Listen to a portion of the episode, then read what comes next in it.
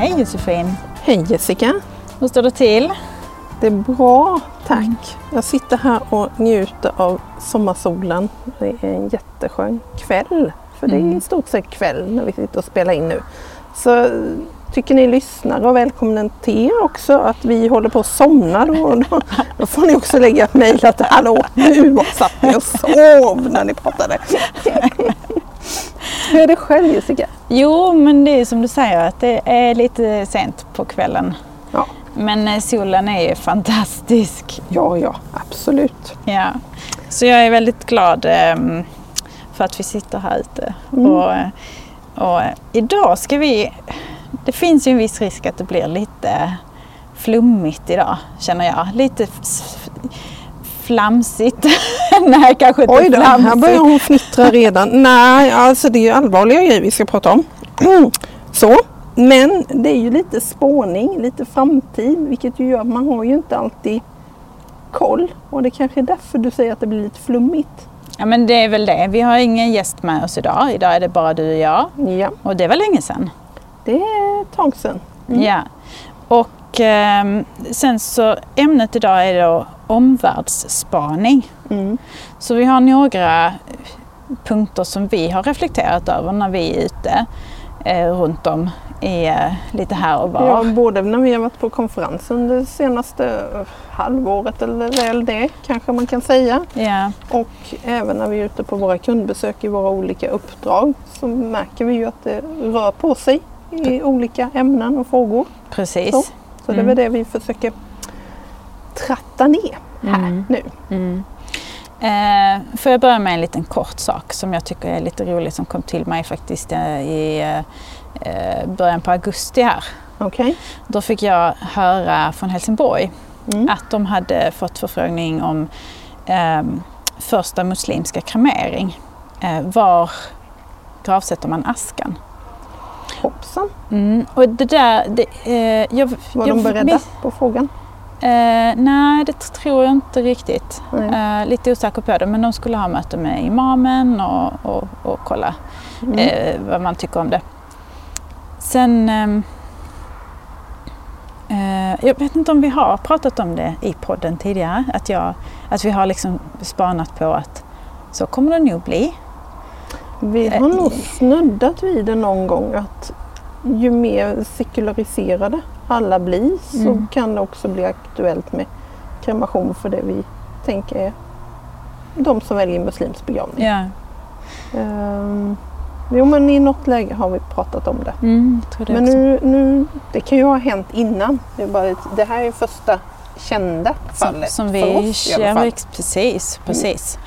Absolut. Så att, Men eh, eh, vet du om de skulle gravsätta inom muslimskt kvarter eller inom annan Nej, de har inte kommit så eller? långt än. Jo, kanske nu när vi sänder detta, men inte, Inte, är inte nu när vi spelar in det. Nej, Så- men var, det, var det viktigt med kremation inom få dagar? Eh, det förtäller inte heller min information riktigt. Nej. Eh, det, det var sån här, du vet, man sitter förbifarten får man höra någonting och så Ja. bara wow, vad häftigt. Och så blir det jag nästan helt stum. helt plötsligt. så blir jag helt dum och bara tänker ja, detta har jag bara väntat på. jag hade Ja. rätt. Ja, då vet ni lyssnare, det kommer mer info någon gång. ja. ja, precis. Ja, men vi ska inte liksom, vi behöver börja vara lite beredda på frågan. Precis. För Och nu har det hänt en Ja, gång och ja. då kan det hända en andra och en tredje och en tionde och en hundrade gång. Ja, precis. Och, ehm, så det kan väl vara bra att förbekomma eh, frågan. Mm. Och det kanske känns helt eh, orimligt för de imamer som man då tar kontakt med och pratar med detta om. Men då, vet, då kan man veta att Helsingborg eh, har fått frågan. Mm. Eh, och ehm, eh, jag tänker också att om man har Helsingborg har 90% kremering. Eh, och eh, det, är en, det är ett högt, Mm. högt tal ju.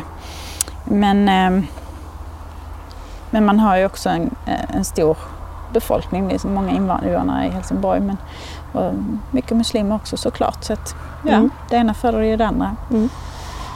Mm. Spännande. Mm. Det blir intressant att höra fortsättningen på det. Nu får du välja. Vad ska vi prata om nu? Jag vill prata lite digitalisering Jessica. Du, eh, och jag tänkte börja med en fråga till dig för du var lite duktig och la upp en bild på LinkedIn. Mm. Eh, du är lite mer aktiv där än vad jag är. Så. Men ni som använder LinkedIn får jättegärna komma in och klicka på oss. Mm. Ehm, ja, men då la du upp det här med krisberedskap och att ha gravmark i beredskap.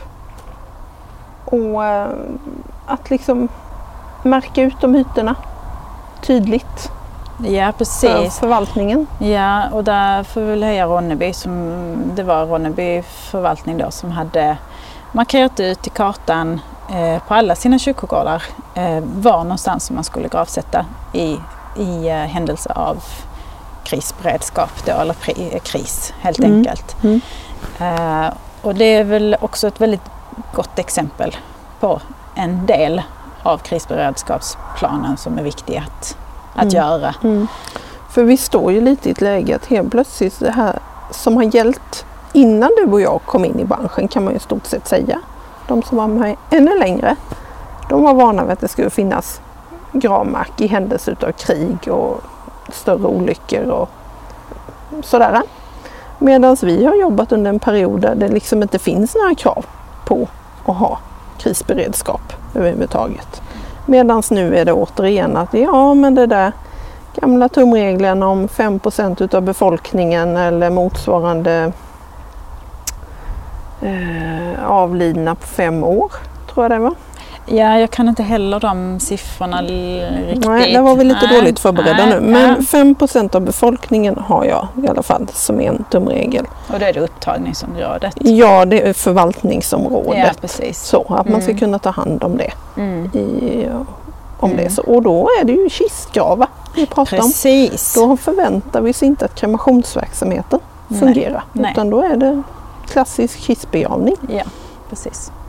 Eh, Så det där är väl liksom lite damma av skulle man på ett sätt säga och det är ju för Mm. de som var med då men för oss alla andra Mm. så är det ju att lära nytt. Ja, och man ser ju på många ställen att eh, den här krisberedskapsmarken som man hade förr, den har ju blivit kvarter. Ja, ja, det är klart man har använt marken. Den, den har använts och nu står man där utan mark. Mm. Och då är det en förhandling med kommunen. Eh, så man får, ju- man får ju ta och prata med kommunen. Vad, vad har vi för mark? Mm. Eh, Om man inte har någon annan mark utanför Nej, som inte är planlagd Ja, eller precis. så. Men mm. har man inte mark så behöver man ju börja prata med kommunen och tänka på det här med översiktsplaner. Det har vi Mm. varit inne med både med Katarina Evenset i avsnittet med henne för, och även i något annat avsnitt att liksom ha pejl på översiktsplanen. Mm. Det går inte att släppa förbi den utan att läsa granskning och se att begravningsverksamheten är med i den. Precis. Och det är ju begravningshuvudmannen som ska titta på de bitarna. Mm. Kommunen har ju inget ansvar Nej. som det ser ut idag. Mm. Nej, och sen, sen, men jag tycker att det här med krisberedskap har verkligen lyfts den senaste tiden. Mhm. Eh, man hör det när man är ute vid fikabordet. Liksom. Det, och man pratar inte bara krisberedskap när det kommer till eh, krig eller ehm, Pandemi. pandemi som vi har haft nu då. Utan det är, handlar om energibrist. Mm. Vad händer om vi står där och vi, vi har energibrist, vi får inte lov att köra krematorierna? Nej men det är ju den våren som har varit nu med att det har brutit ut ett krig i Ukraina i närområdet till oss Mm. påverkar ju oss Mm. brutalt mycket Mm. och vi har energikris eller energiomställning på stor grad i Europa. Och jag satt och tittade för någon dag sedan på Agenda där programledaren faktiskt lyfte det här med energihushållning. Våra politiker, vi spelar in det här avsnittet innan det är val kan vi säga. Våra politiker lyfter ju såklart inte att vi ska spara på energin. Men i Tyskland har man kommit till läget att man sparar på energin genom att släcka ner kyrkor, släcka ner offentliga byggnader. Ja men då behöver vi ju lyfta det till begravningsverksamheten och kyrkogårdarna. Mm. Ja, har vi gammal kyrkogårdsbelysning som lyser hela Mm. natten. klotlampor med massa pollution där vi släpper ut ljuset i Mm. Luften eller har vi moderna anläggningar som till och med ja, först och främst drivs med LED-lampor så att det är lägre energiförbrukning. Men kanske till och med de som är st- rörelsestyrda eller liksom kan timrar eller vad vi nu kan ha för att styra belysningen och minska elförbrukningen på det. Absolut, absolut. Det är I det på elen där också. Du nämnde kanske där kremationerna. Mm. De har ju behov av en råvara och energiförsörjning. Mm. Precis. Och då tänker jag ju på kylarna och frysarna. Också ja. I, eh, I mitt gamla jobb pratar vi ganska mycket om att skaffa reservkraftverk eller ha avtal med kommuner om, om att kunna få in ett reservkraftverk i händelse av längre ström, eh, strömavbrott. Ni, du har, kanske sitter i det där området som var lite drabbat av Gudrun. när Hon Jajamensan. blåste förbi. Mm. Eh, hon blåste inte lite förbi kan jag säga. Hon stannar Och det gjorde inte Per också. heller. Nej. Och sen är det några till, Malik och lite andra som har furit fram också. Mm. Men Gudrun gjorde ju att en del människor på landsbygden var utan ström i fem sex veckor. Det Oj, ja. sitter i hos människor. Ja. Så. Eh, och det är alltså i begravningsverksamheten så ska vi ha strömförsörjning för kylar och frysar och det, de kan inte stå Mm. utan drift någon längre tid. Nej. Och de är ju även, påverkas ju även utav långa värmeböljor så då har man ju kompressorerna klarar ju inte hur mycket som helst där. Nej. Nej, det är Så jättemycket att tänka på. Eh, och en annan eh, risk som har det är översvämningar och torka. Vi vet om att vi kommer ha både våtare framöver men vi kommer också ha torrare framöver. Mm. Eh, Och då studsar vi in då i det området jag utgår ifrån. mm, Värnamo kommun, mm, gränsar till Ljungby kommun. Jag är i Jönköpings län, Kronobergs län. Eh, tittar jag på vattendragen hemma, de är nu lägre än vad de var 2018. mm, Som människa tänker vi inte riktigt på att det är lägre. nej, Men det är uppenbart Mm. lägre Mm. i vattendragen. mm, Eh, lyssnar jag på Radio Jönköping senaste veckorna så har de stora problem uppe i Emån och då är vi i höglandet. Så Mm. jag tror den rinner ut i Östersjön. Eh, Oskarshamn någonstans, jag kan inte exakt där men den rinner på det hållet, Emån. Och det är ju så låga vattennivåer nu så att de vet ju inte om blir det inte regn i höst så är det ju risk för att ån torkar ut mm. nästa år och då Mm. förstör man ett helt ekosystem. Eh, Ja. Alltså, Ja. det försvinner musslorna, försvinner fiskarna så krackelerar ett ekosystem. Mm. Och här har vi också en del i det i hur använder vi vatten till våra kyrkogårdar. Ja. Ehm, och här finns nog både rätt och fel. Det är svårt att veta vad som är rätt och fel. Mm.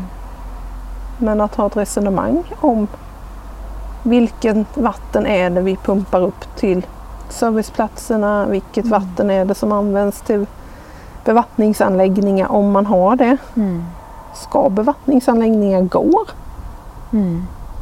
när vi inte kan försörja vår gröda och mat? Mm. Precis. Ehm, vad, vad blir etiskt riktigt i Mm. det? Precis. Samtidigt som vi... Ja, det är svåra frågor. Det är jättesvåra frågor. Vi, vi var ju för, för ett par avsnitt för ett par avsnitt sen Mm. var vi i Harplinge. Mm. En fantastisk eh, plats med mycket en lummig plats. Mm. Där vi också pratar om det här hur viktigt träd är som faktiskt håller eh, Håller fuktigheten, reglerar temperaturen. Ja. precis och ger en biologisk mångfald. Så att, Och samtidigt då i det fallet på en sandås där det fanns två olika lägen med vilken grundvattennivå Mm. har man. mm, Där man har ett bevattningssystem som hjälper vegetationen Mm. och man får den här grönskan. mm, Jag kan inte säga att det är fel att använda bevattningsanläggningen. nej, de hade Eh, egen pump. Det har var- egen brunn, egen pumpning Mm. på det viset. Mm, Ehm, Men i ett annat läge tar kommunalt dricksvatten ut till serviceplatser som mm, det är så en hel del anläggningar är inkopplade. Mm. Men vi ser också jättemånga fler som anlägger dagvattendammar eh, där, där det går. Vi Mm. har pratat om Västervik. Mm. Eh, vi, Ja, jag vet en annan dag och dränvattendamm men där vi i det projekt jag är nu får resonera om Ja, här är en bra vattenreservoar i den här dammen men har den kapacitet för att klara en, den tänkta bevattningsanläggningen? mm, Då får man också väga det här. Ja, den kanske har snarare kapacitet för att köra en droppbevattning för att få igång planteringar. mm, Så att man får liksom vilken ty vilket typ av vatten kan vi ta ut? Vad det vad funkar? och när ska man vattna för lämpligast bevattning och så vidare. Mm. Ja, men det är mycket sånt att tänka på. Eh, och eh, Och då pratar vi ju liksom mer torka mm, i det läget. mm, Men sen kan det ju då lika väl vara en översvämning eller häftiga regn som Mm. gör att man får problem utav det. ja. Så att man behöver vara liksom beredd på båda både hållen. ja. Det är så mycket extremare. Ja. Och då kan ju den, någon part kanske tycka att ja, ja, det får vi vänja oss vid eller någon annan. Mm. Vi, eh, eh, vi kan konstatera att det finns väldigt många olika scenarier som man ska täcka in i de här krisberedskapsplanerna. Eh, och det blir olika utfall beroende på vad man har för något. En annan sak som vi pratade om som vi, eh, eh innan vi eh, satte igång detta var ju faktiskt det här med att om man blir utan ström så är det inte bara krematorier och och kylar och så som stänger ner utan faktiskt också våra digitala system. Mm. Alltså den digitala gravboken, gravkartan. Är man beredd, har man kunskap, kan man föra detta? Allt som man eh, enligt begravningslagen och som är superviktigt att föra. Var stoppar vi ner? Mm. Mm. Och Men vi- vem vi har vi lagt var? Eh, Krasst nog vara lite omoderna. Känns det som. Vi behöver ha en hyfsat aktuell gravbok utskriven som en i säkerhet. arkivet. Mm. Och Och den också. tar ju tid att skriva ut beroende Mm. på vilken enhet man är på. Ja. Mm. kan vara väldigt omfattande. Men, men med viss regelbundenhet så behöver man ju ha en gravbok utskriven. För att kunna ha någonting att gå till om det blir ett långvarigt avbrott. Mm. Och det be- kan ju inte vara elen, det kan ju faktiskt vara nätverket. Mm. Alltså att det är en IT-attack, det är ju en annan kris. Mm. Men, Sen finns det ju såklart backup och sådär som man Men det är just den här eh, i händelse av ja, kris, då ska man kunna eh, föra gravbok och gravkarta. Tar vi då. IT-attacker så har vi ju sett ett antal kommuner eller regioner drabbas. Mm. Ja, men det är dem kan vi ju tänka då. Vad är det som gör att vi ska attackeras? Mm. Begravningsverksamheten. Där kanske man ska vara glad att begravningsverksamheten är lite osynlig. Mm.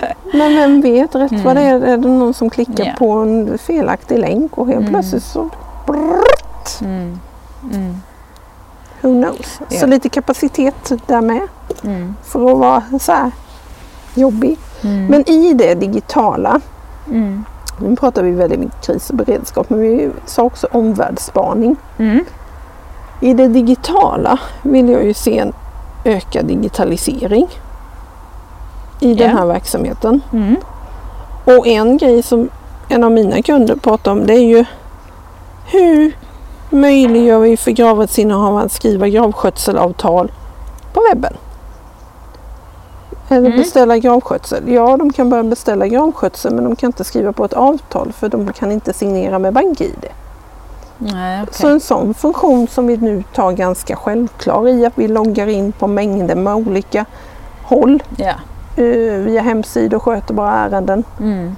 Den funktionen har vi inte i begravningsverksamheten än. Om man det på församlingsverksamheten? Nej, jag tror inte. Nej. Nej, det där är ju, det är ju någonting som man borde ta fram. Ja, det känns ju Ja, så. Ganska att vi, vi kan liksom det- inte förutsätta att vi ska kunna köra papper och pennor och Och att folk ska komma in liksom. Nej, nej, Ni nej. måste kunna sköta fler saker via e-post och via digital signering. Absolut. Eh, och det är väl likadant det här med att eh, det kom ju i våras att man ska mm, kolla upp så att det är rätt person som blir gravrättsinnehavare. Mycket Mm. mer. Även där måste ju då de digitala verktygen fram Ja. mer, föreställer jag mig, Mm. för att den handläggningen ska gå Mm. snabbare. Mm.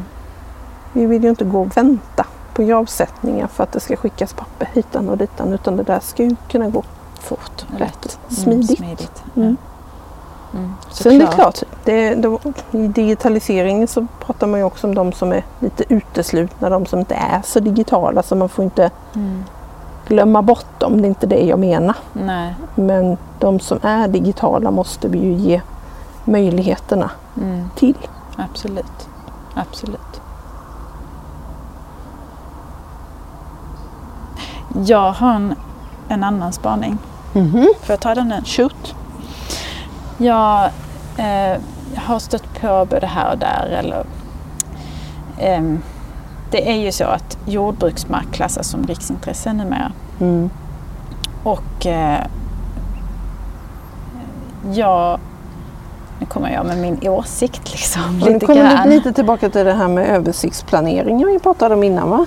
Ja men lite grann. Och eh, resurshushållning. Mm. Eh, vi är så många människor på denna jord. Och med tanke på att eh, vi nu, det är så mycket som ska sparas eh, på våra kyrkogårdar. Eh, vi får knappt ta bort en sten för att eh, det ska Mycket blir till- kulturarv och Mycket så. blir kulturarv Mm. för att vi Mm. kan spara eh, stenar. Mm. Mm. Förr var det träkors och det, de, de försvann efter ett tag och så Mm. använde man marken om och om igen. Mm. Vi har varit på en kyrkogård, eh, liksom, eller många kyrkogårdar har ju anor långt tillbaka och det är gravsatt om och om och om, om igen. Ja. Ehm, och därför så, ehm, alltså problemet när man urnsätter blir ju att det är svårt att kistsätta på samma plats. Ja, om inte gravytan är så pass stor så man är strategisk och sätter urnan i ena änden och ändå kan få ner en kista. Precis. Så. Eh, precis. Men en del urnsätter ju i kistmarken. Ja, och skulle man då dessutom, säg att vi har en kistgrav som ska vara för två Mm. på enkelt djup, make maka. Och så sätter man ner en urna i den ena graven och en urna i den andra graven. Då har vi inte nyttjat marken så resurseffektivt. Nej. För urnor tar ju inte så mycket plats. Så, Nej. så på en vanlig kistgrav kan man ju ofta räkna att det får plats 18 urnor. Ja. Och ska då make och maka ner tillsammans i en kistgrav så ska de ju givetvis vara i samma grav och inte i, Inte i, i båda. kistplatser liksom. Nej, precis. Eh, precis. Eh, jag, jag tror vi kan återanvända gammal gravmark i större utsträckning än vad vi gör. Jag ser det på många ställen att man börjar tänka återanvändning av mark och om gestaltning. Och speciellt på gamla kistkvarter. Mm. kvarter. Mm. De allra äldsta områdena. Eh, och jag ser oftare att man har en förståelse hos Länsstyrelsen. Eh, man förstår att, att eh, marken måste användas effektivt. Mm. Att ta ett nytt, ny mark i anspråk till, eh, till Ask, alltså Askgravlund eller Minneslund eller något annat gravskikt där man, eh, där man sätter ner urnor eller askor. Eh, det känns inte så markeffektivt och resurs.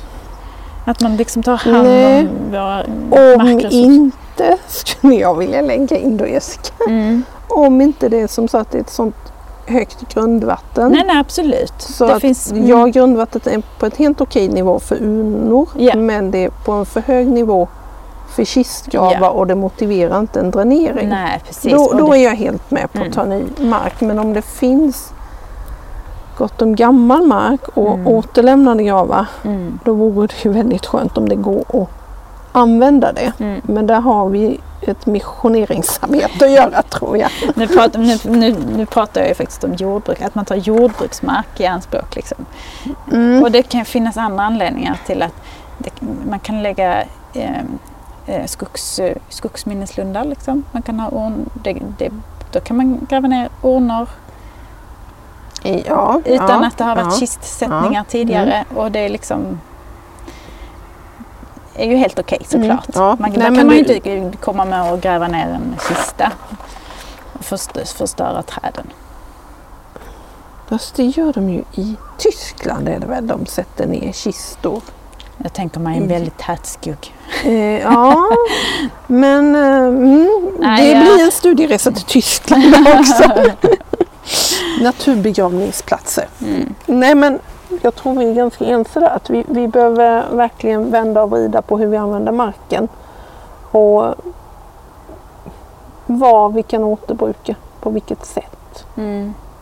Och det är klart vi att urnor är till. praktiska eftersom tänker man i 3D att man har nyttjat marken längre ner så Mm. blir ju de i en nivå ovanför. Mm.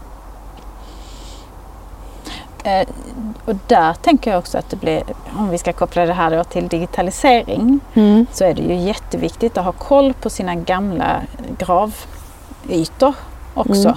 Mm. Att man inte, att man har eh, som om man jobbar med digitala gravkartor till exempel så kan man spara undan då Ett eh, historiskt, ett historiskt lager, med, lager eller skikt med historiska gravar. Mm. Det där skulle man kunna göra mycket bättre än vad jag har sett på många ställen.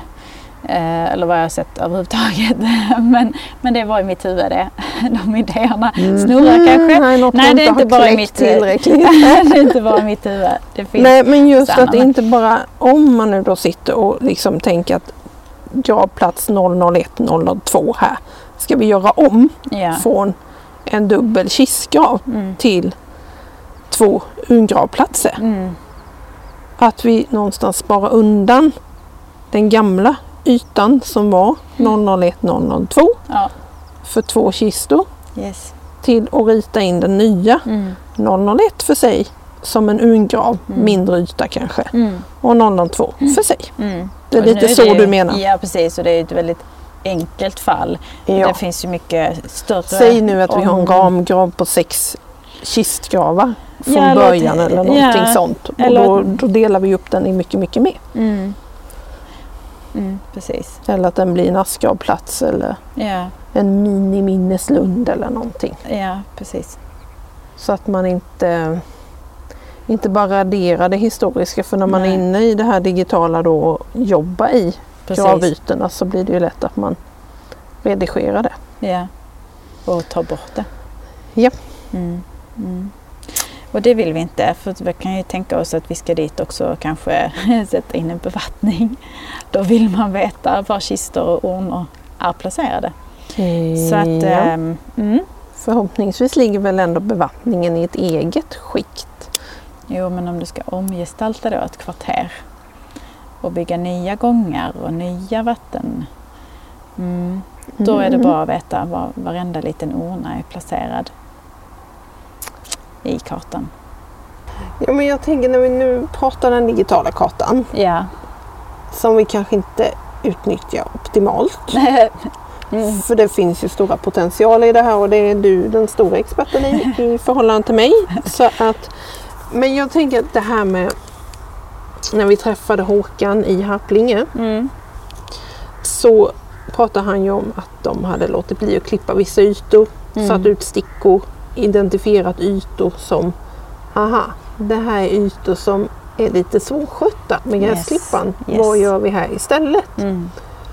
Och där tänker jag att det är ett bra sätt att göra det på. Mm. Praktiskt, Mm. handgripligen. Mm. Ett annat sätt är ju att ta den kart- digitala kartan till hjälp Ja. och tematisera och få ut vad är status Mm. på graven. Mm. Eh, få ut att liksom sålla fram de här är återlämnade. Mm.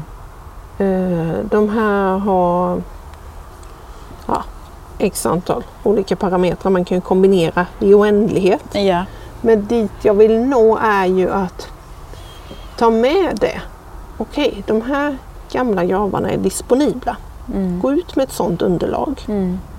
Titta, okej, vi behöver föryngra vårt trädbestånd. Trädbeståndet är gammalt, enhet, ensartat. Eh, ensartad ålder, ensartad artmässigt. Mm. Eh, eller enskiktat kan man ju också säga då. Mm. Vi behöver föryngra. Ja. Eh, vi behöver få in fler urngravar. Mm. Vi har brist på urngravar kanske, eller vi har brist på kistgravar. Mm. Och med hjälp av kartan se att, jaha, här har jag luckor. Mm. Hur ser de här luckorna ut i verkligheten? Mm. Okej, här kan vi få in nya träd. Mm. Det här är ju beroende på vilken karaktär utav kyrkogård man har Såklart. också. Det måste man med, ha med i Mm. det här. Men att få in att okej, här har vi en gammal kistgrav, den är återlämnad, här har varit en kulturhistorisk inventering, den har inget värde. Men, men då Länsstyrelsen vill ju ha karaktären kvar. Ja. Och det innebär ju att den här gravstenen kanske kan omarbetas eller man sätter dit en ny gravsten. Men platsen kan användas. Ja. Och då kan man ju då koda den här platsen i gravboken Mm. till att det här är en potentiell urngrav. Ja. Okej, och då har man ett verktyg till att hjälpa sig där. Mm. Eller här är en potentiell trädplanteringsplats. Mm. Då nyttjar vi ju det här verktyget än mer än vad vi gör idag. Mm. Eller vi behöver ha in en ny serviceplats eller utvidga en befintlig serviceplats. Mm. Och en teknisk anläggning som behöver till. Så. Precis. Man kan också göra så i att eh, om man tänker sig att kvartersstrukturer vill man oftast behålla. Mm. Men det som händer inne på kvarteret är oftast länsstyrelserna lite mer ehm, ehm, förstående till att man utvecklar.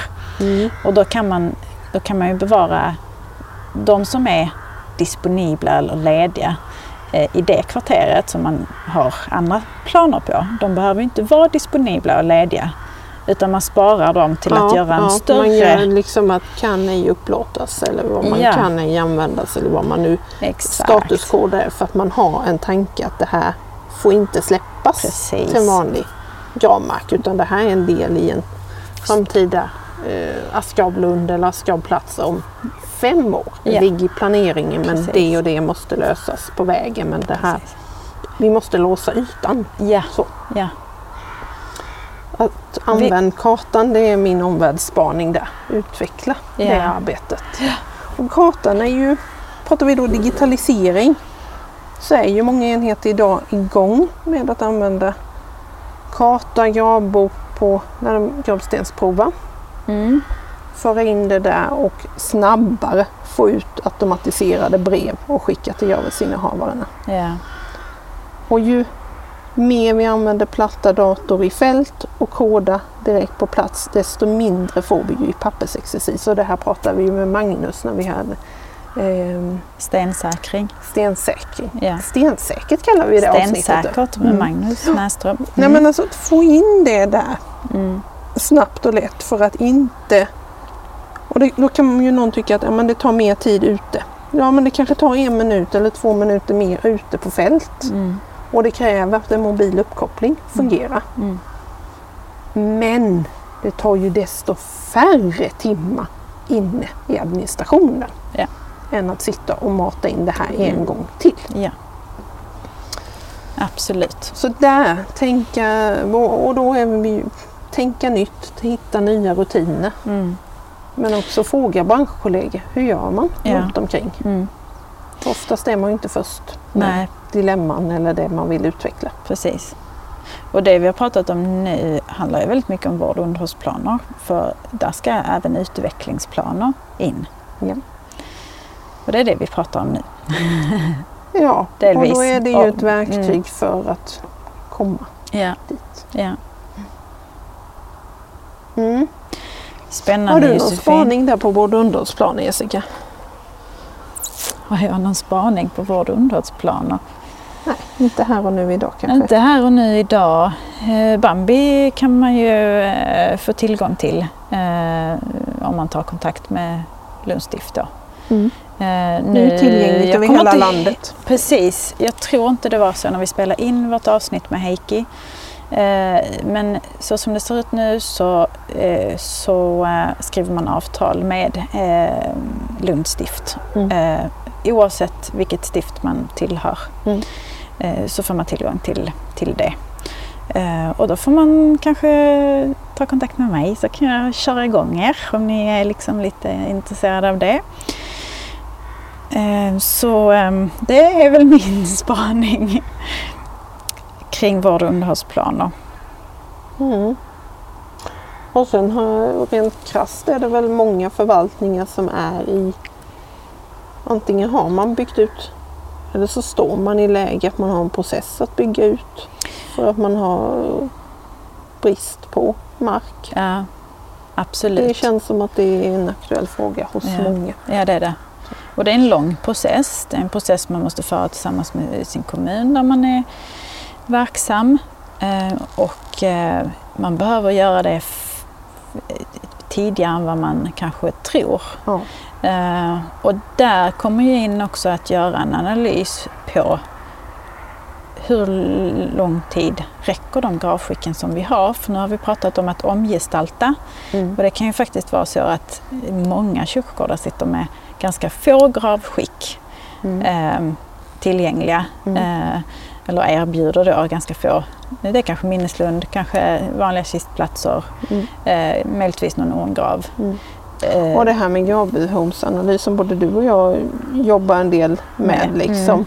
Det ska ju också in i eh, lokalförsörjningsplanen att, att gravmarken räcker till. Det är Ja. lyft även i den. Mm. Så att, eh, och det här ska man ju då ta fram befolkningsunderlag och lite statistik runt, runt omkring. Det, var- var- det, ju, det kan ju se ut som att det är ett jämnt behov om man tittar på historiken Mm, i gravsättningar. mm, Men det kan ju också se att man har en starkt stigande trend i historiken. ja, Men det kan ju ta mig då att det har varit ett jämnt behov. mm, Men då måste man ju jämföra det med hur ser befolkningen ut idag? ja, För vi är ju många orter som växer och expanderar och vi har ganska många som är i SCBs prognos för kommande avlidna. ja. Så. Vad jag hör också i de här expansiva områdena så säger man eh, kanske ibland att eh, de är ju så unga de som flyttar in där så de dör ju inte förrän om många år.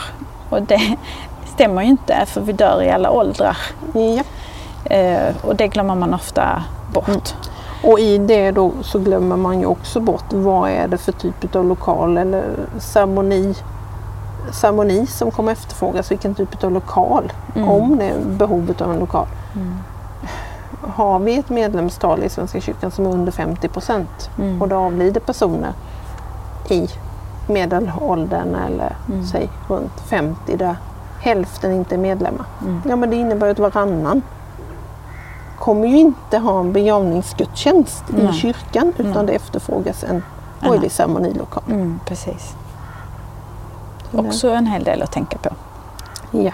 Mm. Ju, Jessica, vad många frågor och ämnen vi har tagit i det här avsnittet nu.